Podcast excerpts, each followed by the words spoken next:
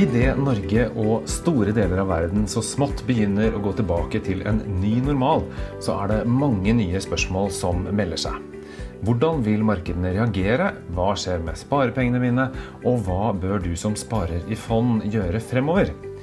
Heldigvis så fins det flinke folk med langt mer innsikt i sånne ting enn meg, og jeg heter Ole Kristian Tronstad. To av dem de er nå samlet rundt eh, mobiltelefonene sine på hjemmekontor.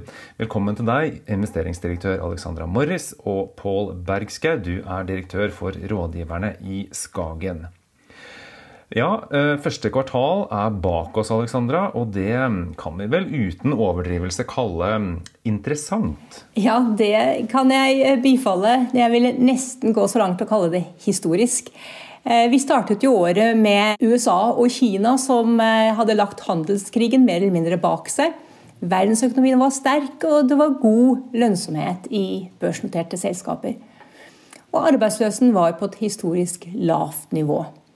Så alt tydet på nok et nøkternt, positivt aksjemarked. Så spredte koronaviruset seg, og verden ble sendt hjem og stengt ned.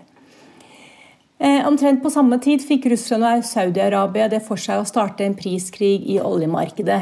Og med full stopp i etterspørselen etter olje pga. koronaviruset og åpne produksjonskraner i Russland og Saudi-Arabia ble det faktisk vanskelig å oppdrive lagerplass for overflødig olje, og vi så noen som så seg nødt til å betale for å bli kvitt oljen. Og dette førte til et av de villeste kvartalene vi har sett i aksjemarkedet verden over. Vi må nesten klype oss selv i armen for å forstå det vi har opplevd de siste to månedene. 40% av de største bevegelsene på markedet de siste 20 årene har skjedd i løpet av to små måneder i 2020. Vi har også sett de største sammenhengende oppganger og nedganger på den amerikanske børsen siden depresjonen. Og selvfølgelig, Det har vært tøft for Norge, så pga. den høye andelen av oljerelatert virksomhet på Oslo Børs opplevde vi et større fall her på hjemmebane, hvor en tredel av verdiene ble blåst bort i løpet av tre uker. Og det store spørsmålet nå, det er jo eh, ja, hva, hva nå, da? Um, og så For å forsøke å planlegge i en uh, usikker verden, så har dere satt opp uh, scenarioer som dere kan bruke da i planleggingen av fremtiden. Fortell om det. Ja, For en investor så er det jo først og fremst viktig å sikre porteføljen. Eh, hvilke selskaper har jeg som er eksponert mot reiseliv, mot shopping, mot olje? Eh, når du har sikret porteføljen, så er det viktig å se fremover. Og da må du bygge deg noen scenarioer som du må planlegge mot. Det er akkurat som i krig, eh, hvor du må forestille deg hvor fienden til enhver tid er og skal gjøre. Og så må du planlegge hvilke trekk du vil gjøre i de forskjellige scenarioene. Og vi har laget tre scenarioer eh, hvor vi tar utgangspunkt i eh, brutto nasjonalprodukt, altså BNP, altså global aktivitet, økonomisk aktivitetsnivå. Eh, og sett hvordan den vil utvikle seg i forskjellige scenarioer, avhengig av hvordan smittesituasjonen utvikler seg. Og hvor raskt vi kan få til en medisin eller en vaksine mot viruset. Så vi har tre scenarioer. I det første så stanses viruset relativt raskt. Vi har en kortvarig global resesjon på en seks måneder og innhenting igjen i fjerde kvartal. I scenario to så stanset fortsatt viruset raskt, men det kommer tilbake igjen en ny bølge til høsten. Og Da vil resesjonen vare ut 2020, og den økonomiske innhentingen begynner først i 2021. I det tredje scenarioet får vi ikke kontroll på smitten, og nedstengningen av landene fortsetter helt til en vaksine blir klar og distribuert i stor skala. Det fører til negativ økonomisk utvikling i det meste av 2021. Og uh, i det vi uh, snakker om dette, så ser vi jo at uh, verden er i ferd med å åpnes forsiktig igjen. hvilket scenario mener du nå er mest sannsynlig? Altså, slik situasjonen er nå, er det scenario én vi opplever. Vi er mer eller mindre forbi toppen av utbruddet i de fleste land. Vi vet nå mye mer om hvordan vi kan begrense spredningen. Og det har ført til en forsiktig gjenåpning i ulike land, og det er positivt for den globale økonomien. I dette scenarioet har BNP falt kraftig fra første til andre kvartal, men øker de neste kvartalene. Og hvis dette scenarioet slår til, vil BNP, den økonomiske aktiviteten, være tilbake på nivå med utgangen av 2019, allerede ved utgangen av 2021. Og dette er også i tråd med spådommene fra IMF, Det internasjonale pengefondet, som de publiserte i april. Så alt er eh, sånn sett ikke helt uh, svart, da, hvis vi skal uh, tro dagens situasjon. Pål, du og dine rådgivere har, dere har tett med, kontakt med kunder hver dag. Har du inntrykk av at de deler Alexandras noe optimistiske utsikter? Ja, til stor del så har jeg det. Både våre egne kunder og, og norske kunder generelt har jo vært eh, flinke til å opprettholde sparingen sammenlignet med hva vi ser i, i, andre land rundt omkring i Europa. Majoriteten som har lagt en plan sammen med sin egen rådgiver, har klart å holde seg til den planen. Og den analysen de gjorde i forkant av store bevegelser, har vist seg å holde stikk. De har hatt den, eh, den motstanden som de skulle ha til å, til å ikke gjøre endringer når det ble store bevegelser. Men noen kunder har jo valgt å plassere hele eller deler av porteføljen sin i kontanter på sin aksjesparekonto, noe som er mulig nå. Andre har valgt å øke andelen av rentefond. Men det er mange som venter på bunnen da, og spør oss hva vi tror om det. Og det kan jeg dessverre ikke hjelpe med, for eh, den er jo vanskelig å spå. Og som Alexandra var inne på, kanskje hun allerede har vært der for denne gangen. Det vi anbefaler, er eh, gradvis inngang over tid tilbake til markedet. Men utfordringen er da å bestemme når skal du starte, hvis du ikke allerede har startet. Vi har laget en artikkel på, som vi har lagt ut på våre hjemmesider som heter 'Er det lurt å kjøpe aksjer og aksjefond nå?' Og jeg oppfordrer alle som lurer på dette med timing, eh, til å lese den. Basert på historisk erfaring så konkluderer den med, ikke uventet, at eh, tid i markedet, eller som sies på engelsk, 'time in the market', som regel slår 'timing the market', altså det å prøve å finne ut akkurat når du skal kjøpe og selge. da. Det slår det ned i støvlene. Ja, eh, Det viser vel historien at det er ganske vanskelig å eh, skal vi si, finne den perfekte inngangen. Nå er det sånn at Mange jakter en såkalt trygg havn når fremtiden er usikker. Og eh, jeg må ærlig innrømme at jeg trodde at eh, en sånn trygg havn, det trodde jeg rentefondene skulle være. Hvorfor har også rentefondene gått i minus i denne perioden? Det er jo De fleste har jo trodd det samme som deg, Ole Kristian. Og det er jo fordi i en stabil verden så er det veldig sjelden at rentefond eh, ikke leverer avkastning som er på nivå eller bedre enn det du kan få i f.eks. innskudd i bank. da. Og Sist eh, rentefondet var i minus, er tolv år siden, tilbake til høsten 2008, hvor det skjedde over en litt lengre periode. Så mange har jo glemt den, den tiden tilbake. Og Da skal jeg gå litt til det teoretiske her. sånn, så investerer jo et rentefond i, i, verdipapirer som er omsettelige, som gjerne kalles da obligasjoner. Og Når du investerer i et rentefond, lånes pengene dine, dine ut enten til land, til banker eller bedrifter, og med ulik da, løpetid eller varighet i henhold til det investeringsmandatet som det fondet du har kjøpt, har. Så skjedde jo det i mars at mange kunder samtidig ble usikre på fremtiden. Og alle fond som jeg har notert, i hvert fall, opplevde innløsninger samtidig. Og Da endte jo alle opp på salgssiden. Og hvem skulle da kjøpe de obligasjonene som kom da som følge av innløsninger i de ulike rentefondene? Det var en ny gruppe kjøpere som da forventet en, lavere pris eh, på de obligasjonene de kjøpte, og forlangte da med andre ord en høyere pris på å låne ut penger til de låntakerne du og andre hadde lånt ut til tidligere. Det medførte da at verdien på rentefondets gjenværende investeringer falt i verdi.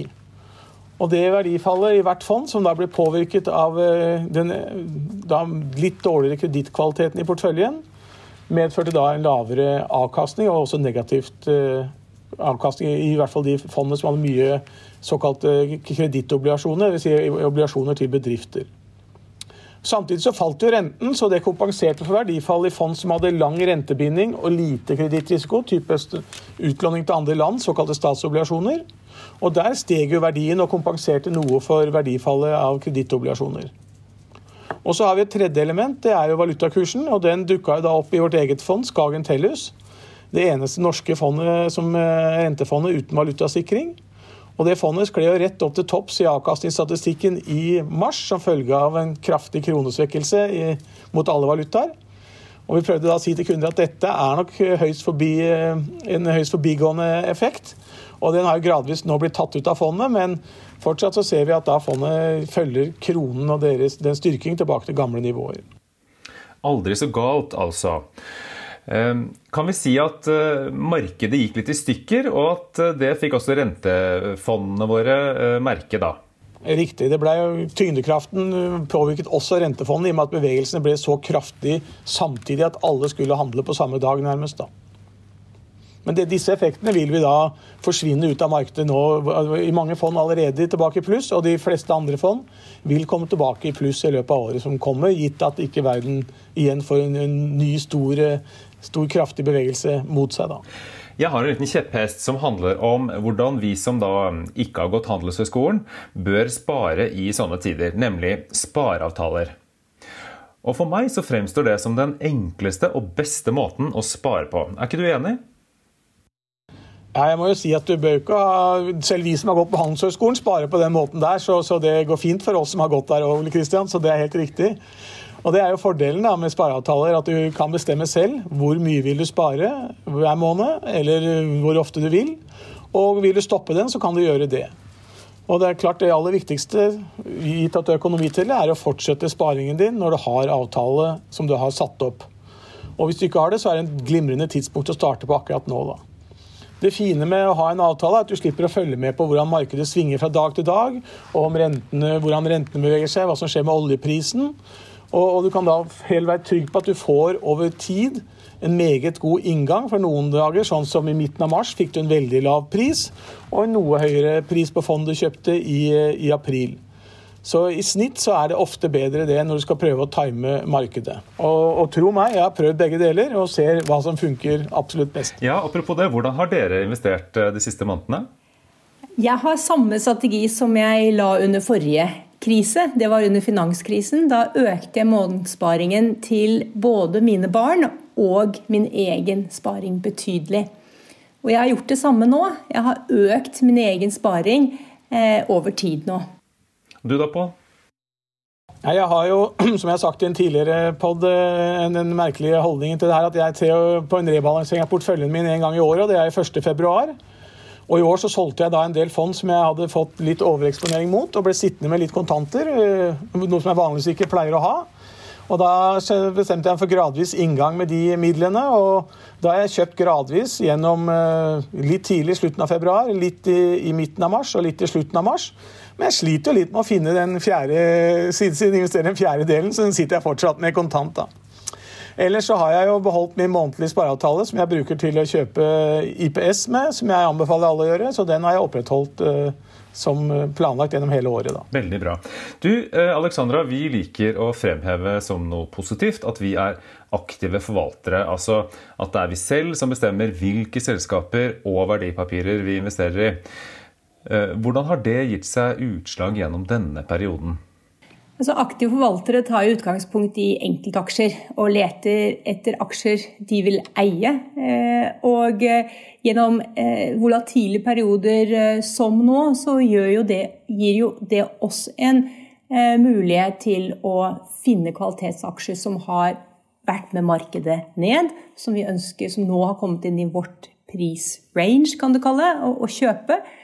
Men det gir jo også muligheten til å selge selskapet vi ikke ønsker å ha gjennom en sånn korreksjon. Og denne gangen så var det jo spesielt hoteller, reiselivsselskaper, flyselskaper, oljeselskaper og den type ting.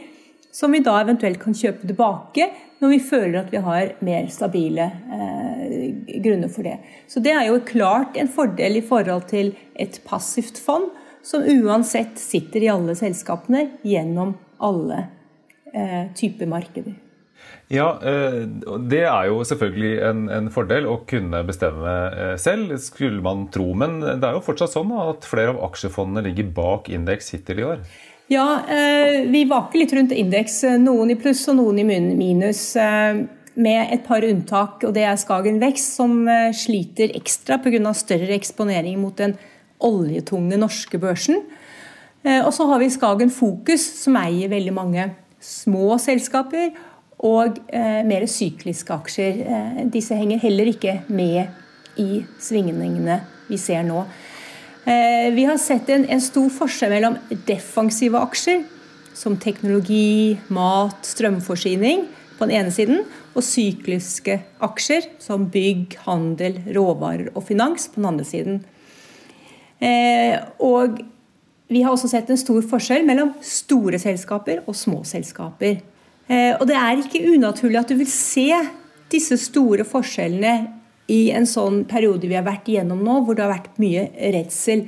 Eh, da går investorer inn i, først inn i defensive store selskaper, så de begynner å gå litt først. For så å vende seg til mer mot mindre selskaper og kanskje mer sykliske selskaper. Og Det har vi også sett bl.a. i vårt fond Skagen Fokus, som siden 1.4 har hentet inn 5 av det de lå bak. Eh, og Det kan jo være tegn på at investorer igjen nå begynner å si at ok, nå har de store defensive aksjene kanskje gått nok. Kanskje det er noen spennende, billige, sykliske og mindre selskaper vi nå kan rette øynene mot. Samla sett så har dere to en uh, solid uh, mannsalder med erfaring fra finans. Og det er ikke fordi dere er gamle, uh, det er fordi at dere har jobbet lenge med, med dette fagfeltet. Hva har overrasket dere mest i denne perioden? Ja, Takk for den, Ole Kristian. Det som har overrasket meg, det er, det er, den historiske hastigheten vi har sett. Altså hastigheten på fallet. Hvor skarpt fallet var, og hvor ekstremt raskt myndighetene var på banen med nasjonale hjelpepakker. Og der, deretter da hastigheten på denne innhentingen vi har sett. Jeg kan bare legge til eh, Handlekraften hos sentrale myndigheter er jo helt annerledes enn vi har sett tidligere. Det kommer masse støttepakker da rundt midten av mars. Og eh, vi i Skagen er medlem av eh, Næringsforeningen i Stavanger. Vi ble kalt inn da til møte med finanskomiteen på Stortinget, eller deler av finanskomiteen, i slutten av mars, hvor de da ville vite hvordan er situasjonen i regionen, hvordan virker pakkene, hva er det som ikke virker, hva for noe mer kan vi komme med som får fart på næringslivet igjen. Og de som stilte opp, de var utrolig lydhøre. Og de la til alle oss deltakerne fra Finansinstitusjonen i Stavanger til på LinkedIn etterpå, slik at vi kunne ha dialog og følge opp. Og det, Noe sånt var helt fraværende, eller har vært fraværende ved alle andre kriser. Veldig imponerende og veldig morsomt å oppleve. Så tror jeg det at veldig mange var nok mer forberedt enn vi har fått inntrykk av. Det er mange som har tenkt de riktige tankene på forhånd og snakket sammen. Siden du nevnte at vi har vært med mannsalder, så kan jeg tenke tilbake til hvordan det var før internett kom. og Da satt jo jeg på et meglebord og handla obligasjoner. Og det vi brukte da, den ledige tiden til der, var jo å snakke om uventede situasjoner. Hvordan handler vi, hva gjør vi hvis det blir jordskjelv i Japan, hvis det blir endringer i norske kronen, hvis det blir en invasjon i et land? Da kom vi gjerne til en nyhetsmelding, og vi måtte da vite på forhånd den gangen visste vi ikke hva scenarioer var. Vi tenkte bare på tørrtrening og tenke på at hva skal vi gjøre. Og, Det er litt av det inntrykket jeg har fått at myndighetene også har eh, gjort mye av på bak scenen nå. At de har vært veldig godt forberedt på hva de skal gjøre hvis det kommer en pandemi. Hvordan opptrer vi, og hvis den er så og så alvorlig, hvilke tiltak må vi gjøre. Det er betryggende å høre. La oss oppsummere litt av det vi har snakket om. Altså, Foreløpig så ser det ut til at det er eh, vårt mest positive scenario som utspiller seg akkurat nå. Det kan selvfølgelig endres. Eh, og Det eh, kan da bety at vi vil få en innhenting i markedet ved utgangen av 2020. Eh, Men det er altså mange skjær i sjøen ennå. Og så var Paul inne på at det er vanskelig å time markedet. De færreste klarer det. og Derfor så kan en spareavtale være en lur måte å sørge for at du sparer til ja, jevnt gode kurser. da. Eh, og så har forvalterne i Skagen benyttet fallet i markedet til å kjøpe seg inn i flere kvalitetsselskaper til en gunstig pris. Og det kan jo da gi god langsiktig avkastning. Eh, jeg vet ikke om dere har noe mer å legge til eh, på dette tidspunktet, før vi sier takk for nå? Det er bare å beholde troen på din egen sparing og se at uh, aksjemarkedet leverer meravkastning over tid. Det er greie ord å ha med seg inn i den tiden vi nå skal inn i. Som alltid så er vi glade for å kunne hjelpe med det du måtte lure på rundt uh, fondssparing. Ta kontakt med oss, så hjelper en av våre flinke rådgivere deg. Det var alt fra oss i denne omgang. Takk for at du hørte på, og hold dere friske.